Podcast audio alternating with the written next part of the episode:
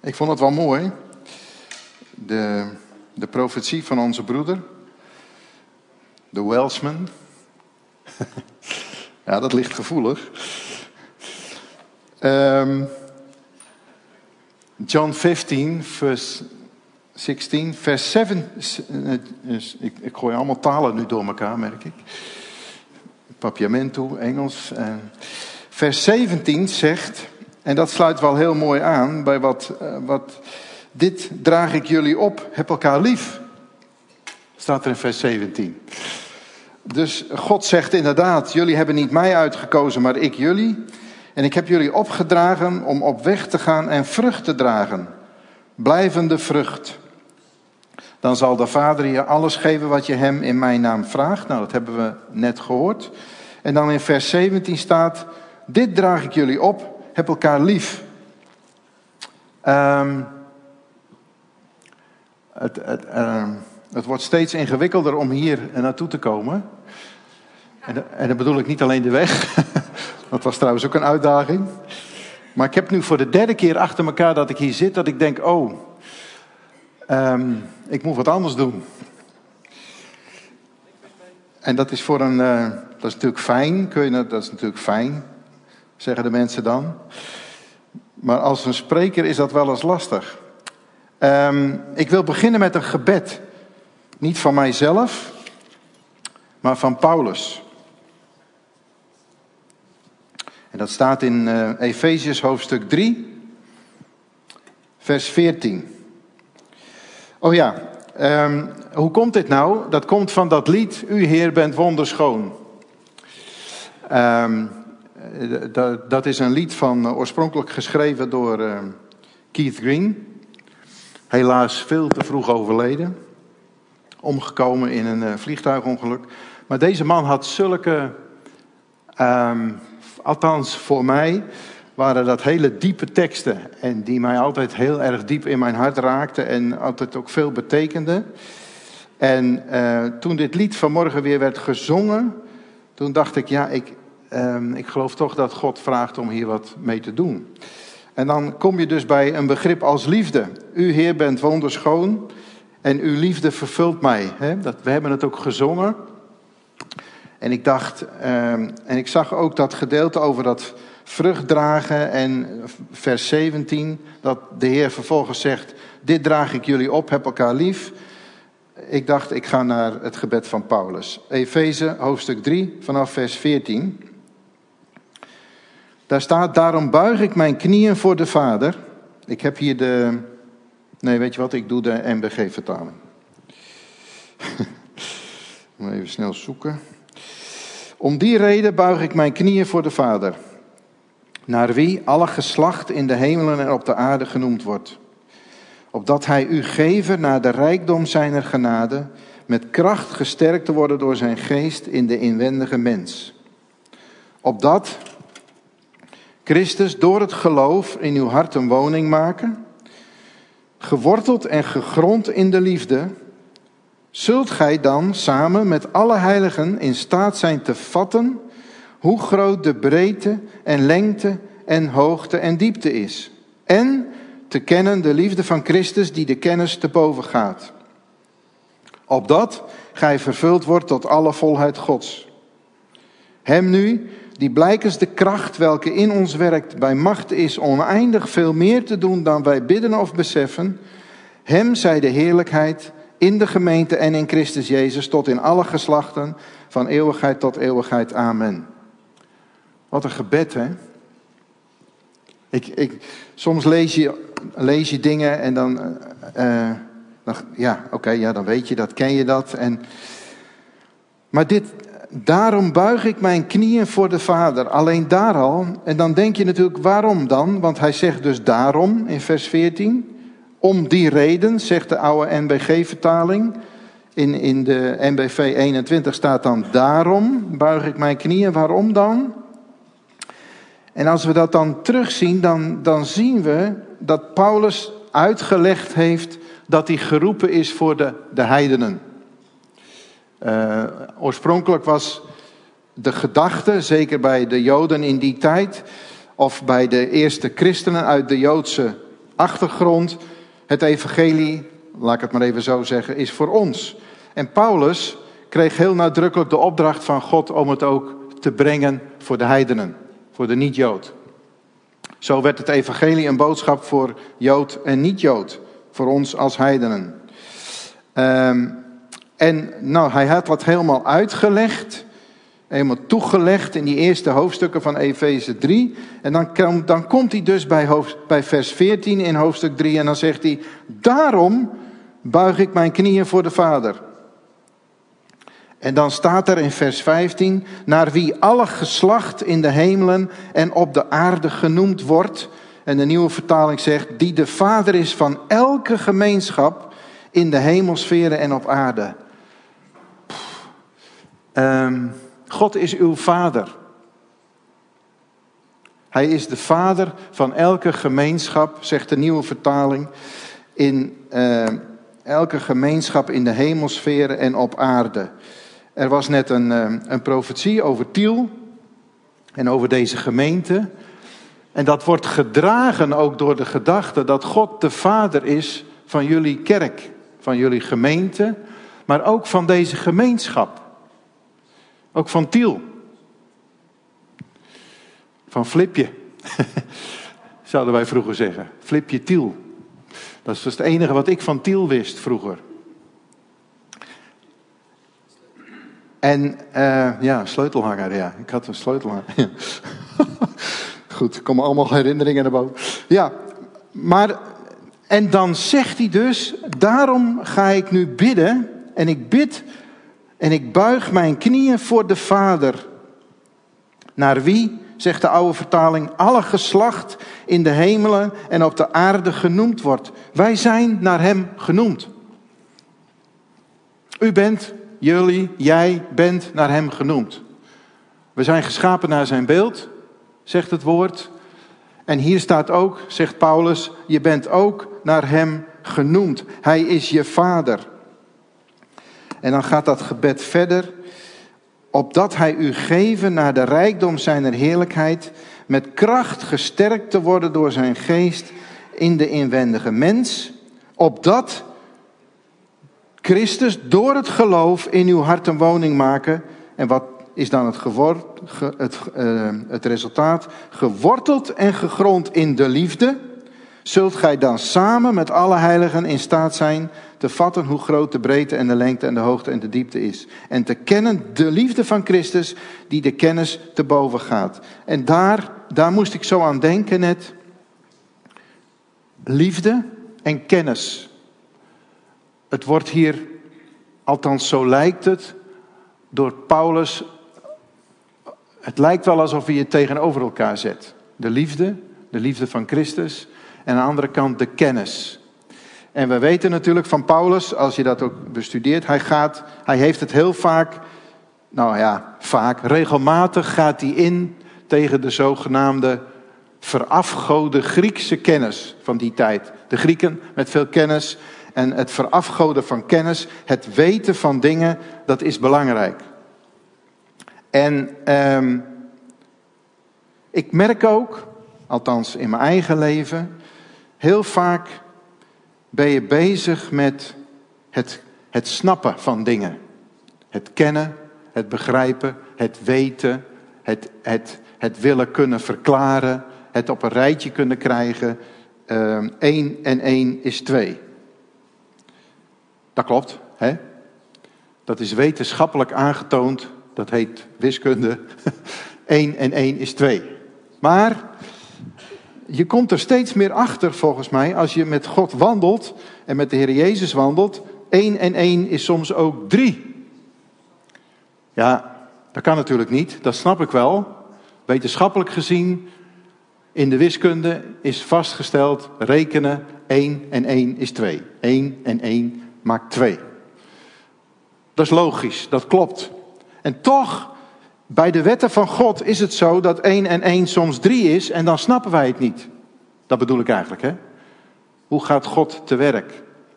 En dan is de uitkomst soms heel erg onverwacht, niet logisch, wetenschappelijk niet verantwoord. En wat we gaan doen dan is heel vaak, ja maar klopt het wel? Is het wel goed of is het fout? Zo op een of andere manier zit dat heel diep in ons. Hè? Het berekenen, het uitrekenen, kijken of het wel klopt. En op een gegeven moment snappen we het niet en dan willen we nog verder gaan en dan willen we nog verder gaan, want we moeten en we zullen het begrijpen. We moeten het op een rijtje krijgen. Want wij snappen alles. Wij zijn als God. Want daar ging het al mis, hè? Ooit in de hof. Waarom heeft Jezus gezegd, of Jezus, waarom heeft God gezegd tegen Adam, blijf nou alsjeblieft van die ene boom af? En welke boom was dat? Dat was de boom van kennis van goed en kwaad. En nou, we weten, ja, dat voert nu veel te ver, dat is helemaal misgegaan. En toch is die mens gaan eten precies van die boom. En lieve mensen, of wij dat nou leuk vinden of niet, wij zijn daarmee behept. Wij zijn kinderen van Adam en Eva. En de een heeft het misschien meer als de ander, maar van nature zou ik bijna willen zeggen, gaan wij voortdurend checken. Klopt het wel, klopt het wel, klopt het wel, klopt het wel, klopt het wel, klopt het wel. Nee, dat klopt niet helemaal. Klopt dat wel wat jij zegt? Klopt het nou? We merken het ook in onze gesprekken, in onze vergaderingen, in onze discussies. We hebben van alles bedacht om het te stroomlijnen. Maar eigenlijk zit er voortdurend onder de vraag: ik vind dit en jij vindt dat. En dat klopt niet. Is niet goed. Is niet goed. En het liefst, althans ik wel, zou ik met een heleboel mensen die hetzelfde denken als ik, zelfde mening, zelfde visie, met z'n allen op één eiland wonen. Heerlijk, toch? En als jij dan wat anders denkt, dan wil ik graag dat jij naar een ander eiland verhuist. Dat is veel beter. Ja, maar dat is niet bijbels. ik denk dat Jezus, God, de schepper van hemel en aarde, de drie-eenheid, van tevoren al lang gezien heeft en bedacht heeft: hoe ga ik dat nou organiseren? En daar had hij één begrip voor, dat was liefde. En dat was relatie. En dat was niet, klopt het wel of klopt het niet? Daarom moesten wij van die boom afblijven. Want weet je, het punt is, en zeker als je daar gevoelig voor bent, en je staat niet zo sterk in je schoenen en je bent aan het worstelen en je denkt over deze dingen na en je bent misschien wat twijfelachtig in dingen, misschien zelfs ook wel in je geloof. Het resultaat van zo'n houding is altijd schuld. Je doet het fout. Het klopt niet. En er zijn altijd lieve broeders en zusters die op een of andere manier ook altijd wel precies weten hoe ze je daarvan kunnen overtuigen. Je doet het fout. Daar heb ik zelf ook last van. Hè? Ik steek ook de hand in eigen boezem. Want ik heb allemaal rijtjes. En die kun je afvinken. Een groen vinkje. En als ze niet allemaal aan het einde van het rijtje groen zijn, dan klop jij niet. Je past niet in mijn rijtje vinkjes. En dan heb ik dus liever dat jij verhuist naar een ander eiland. En ik denk Um, ik denk niet dat dat is waar Paulus voor bad. Hij bad voor dat wij met kracht gesterkt zouden worden door de geest in de, in inwendige wens, mens. Sorry, waarom? Opdat Christus door het geloof, we hebben er ook van gezongen vanmorgen, opdat Christus door het geloof in uw hart een woning maken. Weet je, dat is apart. Hoe komt Christus in ons hart?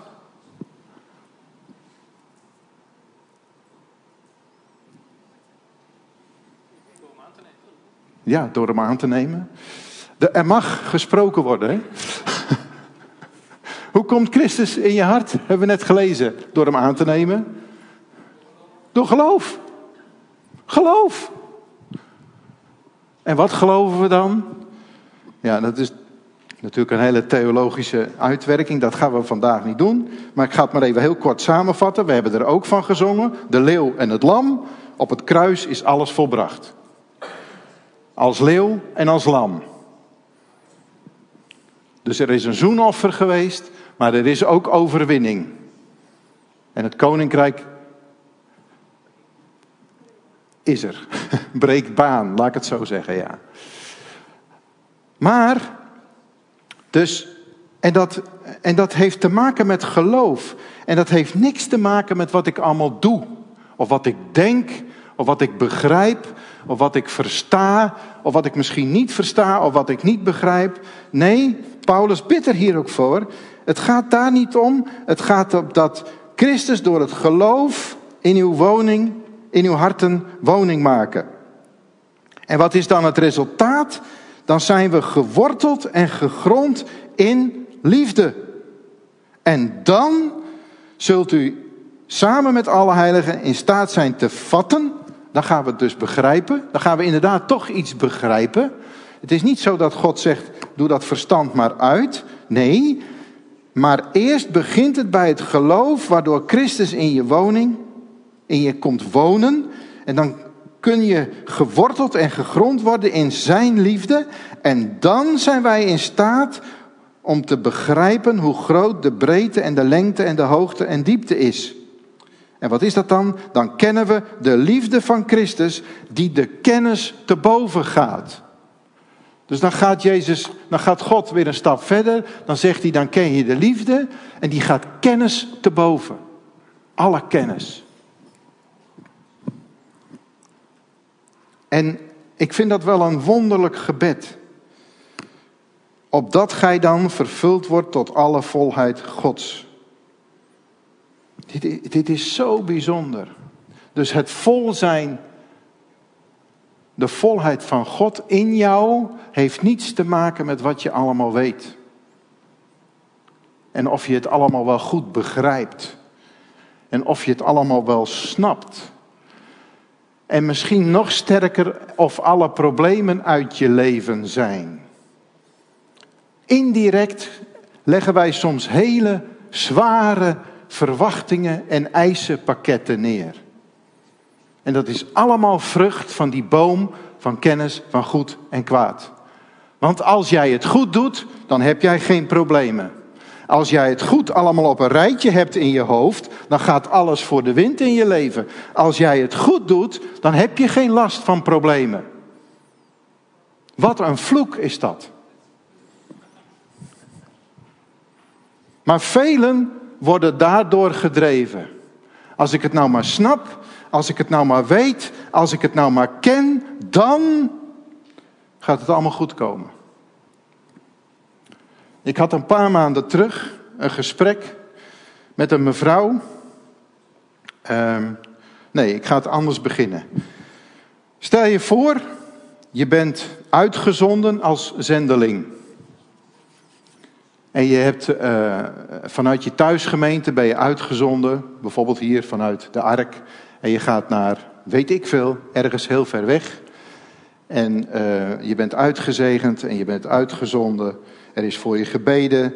En nou, de profetieën die waren ook daar. Dus uh, je, je, ging met een zak vol beloften op reis. En het zou geweldig zijn. En de vrucht zou enorm zijn. Veel vrucht, grote vrucht. En je merkt op een gegeven moment, je bent daar in dat land ver weg en het loopt helemaal niet. Het loopt helemaal vast. En alles wat er is, maar geen vrucht. Althans, voor zover jij het kan zien. Dat wil ik er wel even bij zeggen. Maar het gevoel is dus, het is mislukt. Ik heb gefaald, het werkt niet. Het, ik ga terug naar Nederland. Want je ontdekt op een gegeven moment daar, terwijl je daar bent, het loopt niet, het gaat niet. Je wordt helemaal moe van jezelf, maar ook van in je relatie met God werkt het niet meer, het loopt niet meer. Kortom, een hopeloze, eindeloze, uitzichtloze toestand. Ik ga terug, ik meld me bij de zendingsorganisatie, het werkt niet. En je mag teruggaan.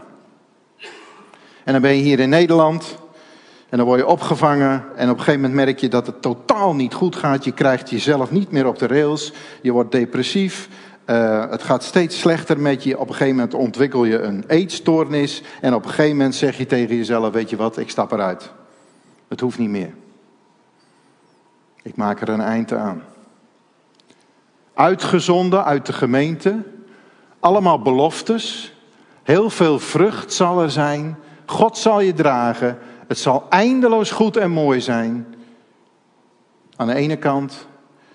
En nu het andere uiterste. Ik wil niet meer. Ik stap eruit. Ik ben er klaar mee. Deze mevrouw zat tegenover mij. Ik heb dit gevraagd aan haar of ik dit mocht gebruiken, deze voorbeelden. Dat mocht. Zij zat tegenover mij en ze zegt op een gegeven moment iets tegen mij. En toen dacht ik, wow. Zij zegt, ik heb iets ontdekt dat veel waardevoller is dan niet depressief zijn. Dacht, wacht even.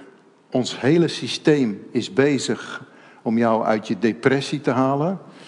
Uh, van alles en nog wat wordt er ingeschakeld om met jou in gesprek te zijn. En het is ook het diepste verlangen van je hart om niet meer depressief te zijn.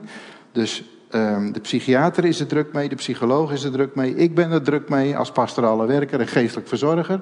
Iedereen is er druk mee, want die depressie moet weg. En nou zeg jij tegen mij, ik heb iets ontdekt wat veel waardevoller is als niet depressief zijn. En ik hoorde het eerst niet. Dus het gesprek ging gewoon door. En op een gegeven moment, zeven zinnen later, dacht ik: Hé, wat zei jij nou net? Ik zeg even terug. Je zei iets over depressie en iets wat van waarde is. En uh, ik merk dat het in mijn hoofd een knoop geeft, want je zegt iets wat ik even niet kan volgen.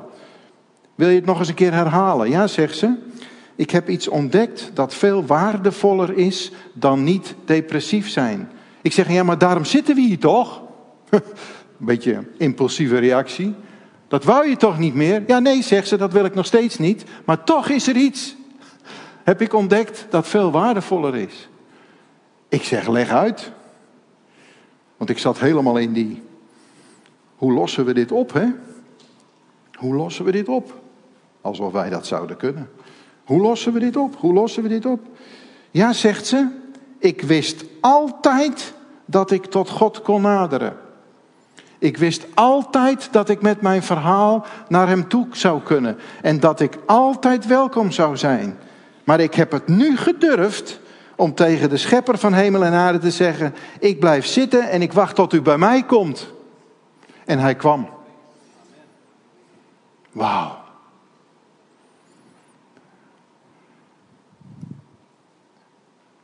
Ze zegt: Ik heb niks veranderd. Ik heb alleen gezegd: Ik kan niet meer. Ik weet het niet meer. Ik, ik, ik weet het gewoon niet meer. Help. God, zegt zij toen, God is niet te groot en te heilig om naar mijn rotzooi toe te komen. Ik dacht, wauw, dit is mooi. Dit is mooi. God zegt, ik hou van jou, ik zie hoe je erbij zit, ik kom naar je toe en ik zal bij je zijn. En toen zij dat deelde, toen moest ik denken aan, en dat gebeurde net ook weer toen ik daar zat en toen we aan het zingen waren, toen moest ik denken aan Job. Ehm, en daar sluit ik mee af. Hoe kom je nou bij Job? Ja, Job heeft natuurlijk. Eh, Job wordt gauw aangehaald als het gaat om mensen die in de problemen zijn en zo. Maar dat, daar gaat het me nu even niet om. Het gaat me even om wat er over Job gezegd wordt. En dat begint al in Job 1. Ik zal het kort, kort uh, voorlezen. In het land Us woonde een man die Job heette.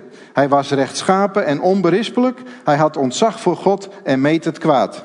Nou, alles op een rijtje toch? Applaus voor Job. Hij was rechtschapen, onberispelijk, had ontzag voor God en meet het kwaad. Dan denk je, ja, nou ja, goed. Maar dan, een paar versen verder, vers 8, daar spreekt God. En dan is dat gesprek gaande met, met de boze. We kennen dat allemaal wel, maar, of tenminste, daar is een gesprek gaande. Dat gaan we nu niet allemaal uitwerken. Maar daar spreekt God over Job. En wat zegt God? Heb jij ook op mijn dienaar Job gelet, zoals hij is? is er niemand op aarde. Hij is rechtschapen, onberispelijk, heeft ontzag voor God en hij mijt het kwaad.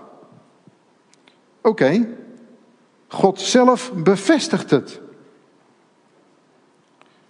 En dan gaat het mis natuurlijk. Dan krijg je al die toestanden in het leven van Job. En het wordt nog erger. erger en dan gaat het, het gaat nog steeds dat, dat Job op een of andere manier niet zondigt. Hè? Vers 22 van hoofdstuk 1. Ondanks alles zondigde Job niet.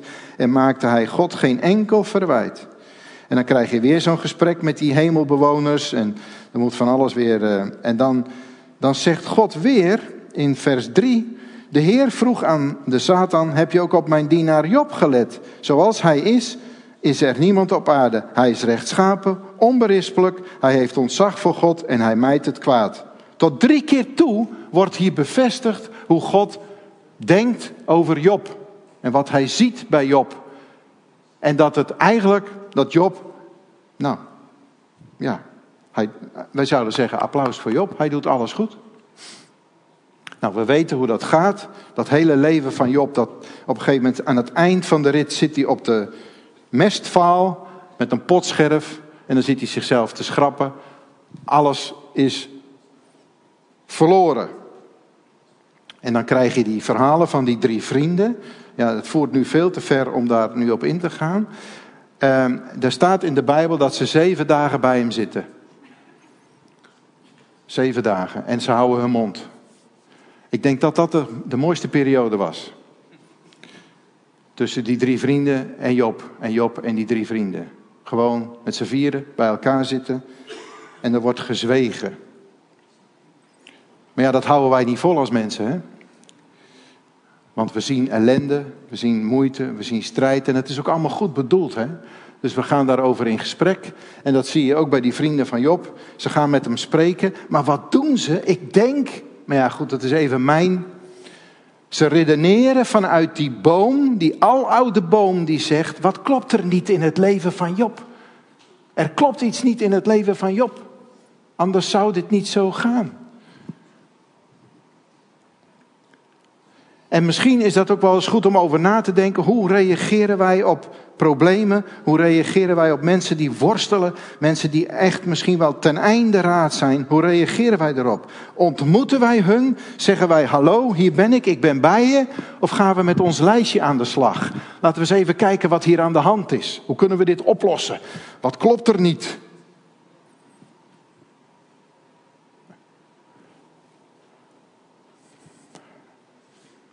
En dan zie je ook, als je Job helemaal doorleest, op een gegeven moment, eh, het werkt niet. Hè? Uiteindelijk zegt Job, ja dat is ook wat, nu geven jullie mij de schuld, even vrij vertaald. Nu ligt het weer aan mij. Ik heb het gedaan.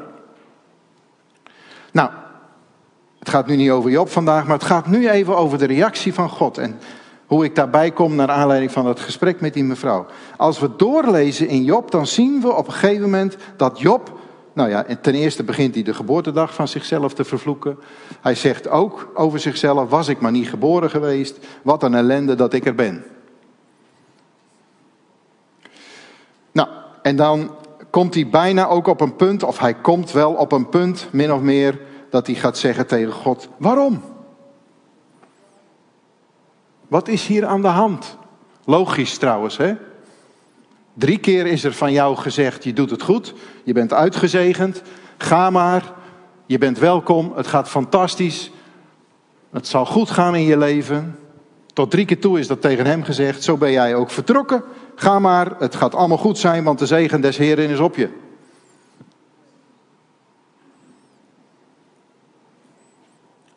Dus logisch dat hij zegt: ja, hoe zit dit nou? Logisch dat die zendelingen tegen mij zeggen: Ja, hoe kan het nou? En dan gaat God spreken. En dat is zo bijzonder. En um, als je dat in Job ziet. Job heeft die klacht als het ware bij God neergelegd. Hij heeft tegen God gesproken. Hij heeft zijn verhaal bij hem neergelegd. Overigens heel begrijpelijk, hè? niets mis mee. En dan krijg je die wonderbaarlijke reactie van God die zegt: Waar was jij toen ik alles maakte? Dan denk ik als pastoraal werker, nou nou, dat is lekker invoelend. Er zit iemand tegenover je in de puinpoeier en dan wat jij uitbrengt als vader, als trooster, als schepper van hemel en aarde. Waar was jij toen ik alles maakte? ja. Wat een reactie. En toch denk ik dat God daar precies doet wat hij eigenlijk met ieder van ons wil. Hij wil ons terugbrengen naar dat oorspronkelijke moment van toen hij alles maakte. En ook ons maakte. En zei, jij bent nu geschapen naar mijn beeld. Iets in ons lijkt op God. Nou, nou, denk je dan? ja, toch is het zo. Toch is het zo. En ik geloof dat God dat op een of andere manier bij Job deed. Job, waar was jij toen, jij, toen ik alles maakte? En, en dan komen die voorbeelden hè, van die prachtige, die grote beesten en de Leviathan en noem alles maar op wat God gemaakt heeft. En eigenlijk is hij, wat hij doet, is dat hij, dat hij Job laat denken, wow. In awe, zouden ze dan zeggen. Hè? Awesome. Wauw. Dit is God. En ik ben Jobje. En niet vanuit minderwaardigheid, denk erom. Want dat denken we dan, hè? God zet hem eigenlijk hier te kakken. Nee, dat doet hij helemaal niet. Hij brengt hem terug naar dat moment dat hij eigenlijk zegt: Maar ik heb alles gemaakt, Job, en jou ook. Ja, maar ik heb geen vrucht gedragen. Nou, het maakt me niet uit. Ik ben blij met je, want ik heb je gemaakt. En dat was wat zij op dat moment tegen mij zei. En toen moest ik denken aan dat laatste gedeelte van Job. Job hoofdstuk 42, vers 5. Ik lees het even vanuit de nieuwe vertaling. Ik heb u horen spreken. Je zou kunnen zeggen, even vrij vertaald, ik heb van u gehoord. Ik heb van u geweten. Ik had kennis over u. Ik wist wie u was. Ik weet hoe u bent. Ik weet, ik weet, ik weet. Ik had van u gehoord. Ik heb u horen spreken. En nu heb ik u gezien wie u bent. Daarom zal ik verder zwijgen. En dat moment, daarvan getuigde die mevrouw die tegenover me zat, die zei: Ja, ik heb God gezien. Hij kwam bij me. En ik, ongelooflijk, het eerste wat ik uitriep was, was de depressie weg. Ongelooflijk hè. Ter plekke miste ik dus wat God had gedaan. God was bij haar gekomen, was langs zij gekomen, was bij haar gaan zitten, bij wijze van spreken, en had gezegd: Hallo, hier ben ik, wij zijn samen ouder en kind. Hoe is het met je? Nee, lomperik. Was de depressie weg? Nee, zegt ze. Ik denk: Oh ja, wat een stomme vraag. Het straalde aan alle kanten uit haar ogen. Ik heb God ontmoet. En ik ben zijn kind, ik ben aangenomen en ik ben niet, en dat was de belangrijkste boodschap, ik ben niet schuldig aan het feit dat de dingen in mijn leven zijn mislukt. En dat is denk ik de grootste opdracht voor ons ook. Wat maakt ons aantrekkelijk voor de wereld? Ik, ik begreep dat uh, een paar weken terug. Steve van Deventer is hier geweest. Over uh, eenheid. Dat bewerkt geloof. Hè? Ik denk dat onderlinge liefde bewerkt dat mensen zeggen: hé, hey, dat staat ook letterlijk in de Bijbel trouwens. Dat zijn discipelen van Jezus. En niet wat ik allemaal weet. En niet alles wat ik ken, en niet alles wat ik op een rijtje heb, en niet alles wat ik opgelost heb of niet opgelost heb. Het staat in Johannes volgens mij, Johannes 13 of zo. Maar dat, daar, daar zegt Jezus letterlijk tegen zijn discipelen: Hoe zal de wereld weten dat jullie mijn discipelen zijn als jullie onderling liefde hebben voor elkaar? En niet of je alles wel goed weet. En of je alles goed doet. En dan zal de wereld weten dat jullie discipelen van mij zijn. Goed. Nou, um,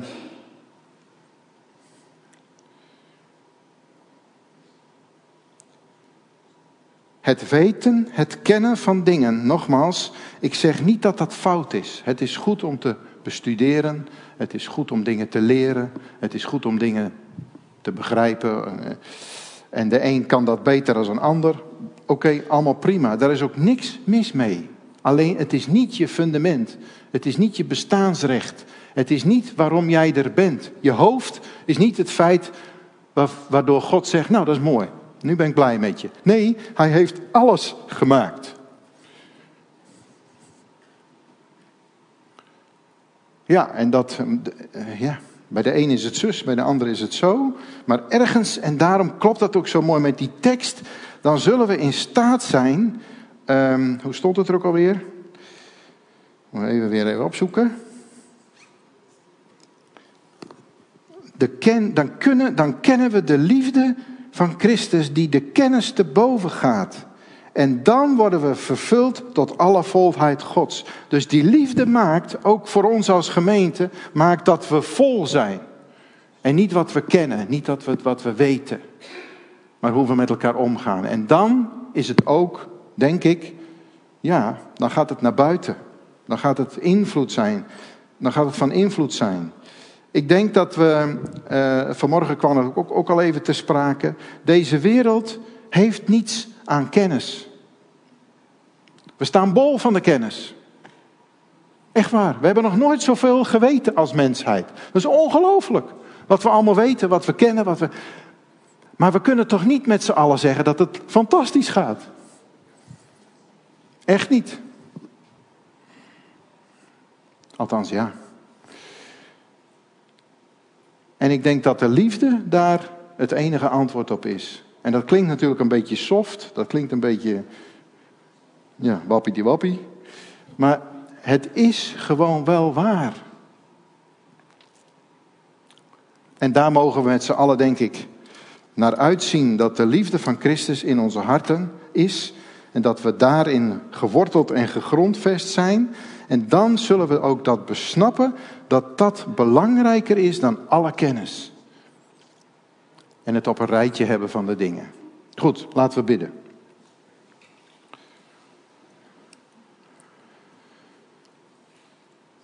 Heer, ik dank u wel dat we zo na mogen denken over een begrip als liefde. Uh, en wat dat dan betekent. En wat het effect daarvan is. Heer, maar dank u wel dat u ook, ook dingen laat zien over kennis en over weten, maar ook over beoordelen. Heer, zodra wij dingen gaan kennen, dan gaan we ook beoordelen. Zodra wij dingen gaan weten, dan gaan wij vergelijken. Zodra wij dingen op een, ja, op een bepaalde manier beoordelen, dan nemen we dat ook mee in het kijken naar een ander. Heere God, wilt u ons daar alsjeblieft los van maken? Natuurlijk is het goed om dingen te weten, Heer. Maar help ons om het beoordelen aan U te laten. En help ons om elkaar lief te hebben, Heer. En help ons ook om, om niet uit te strekken naar dingen die U misschien helemaal niet verlangt van ons. Heer, misschien wil, wilt u wel helemaal niet dat we alles op een rijtje hebben. Misschien wilt u wel helemaal niet dat al onze problemen weg zijn. Misschien wilt u wel helemaal niet dat alles is opgelost in ons leven. Heer, en niet omdat u het leuk vindt dat wij problemen hebben. Maar soms, ja, vanmorgen kwam het ook zo te sprake. Heer, ontwikkeling levert strijd op. Geeft weerstand, is moeite. Heer, help ons zo om dat met die ogen te zien. Niet vanuit de menselijke kennis, maar vanuit de liefde van God de Vader die zegt, ik ben erbij. En dat we het mogen gaan zien, Heer. Help ons ook zo om het te gaan zien. Dat we het niet alleen maar weten, zoals Job het ook zei. Ik had van u gehoord, maar ik heb u nu ook gezien. Heren, we verlangen ernaar dat we u zien. En help ons zo, Heer. Ook misschien in deze tijd als we in een vakantieperiode zitten. En misschien zelfs af en toe wat meer tijd hebben om over dit soort dingen na te denken, Heer. Het is ook soms zo druk om ons heen en we zijn druk en we hebben druk of we maken ons druk. Heer, maar help ons ook om tijd te vinden om u te ontmoeten en u te zien. En u werkelijk in de ogen te zien. Met respect gesproken. Heer, niemand heeft ooit God gezien, ik weet het. Maar tegelijkertijd heeft u gezegd, Heer Jezus, als je mij hebt gezien, heb je de Vader gezien. Heer, help ons om onze ogen op u te richten. En dat we daar ook tijd voor maken, Heer. En help ons ook om niet de vrucht van een ander te beoordelen. Aan de vrucht herkent men de boom, zeker, absoluut waar. Maar het is niet aan ons om te toetsen of het dan genoeg is of voldoende, foutloos, goed. Heren, natuurlijk, het is goed om op te letten. Maar u heeft gezegd, Heer Jezus, ik ben niet gekomen om te oordelen, maar om te redden. Vader, en maak ons, ja, maak ons een kerk, maak ons een gemeente, niet alleen hier, maar gewoon in Nederland, wereldwijd. Een kerk die mensen ja, ontmoet. In plaats van ja, beoordeeld, veroordeeld. Heren, en dan is het aan u om ook verder uit te werken hoe, hoe dat dan gaat, ook in ons contact met anderen. Dank u wel, heren, u bent bij machten om grote dingen te doen door ons heen. Dank u wel, Heer, in Jezus' naam. Amen.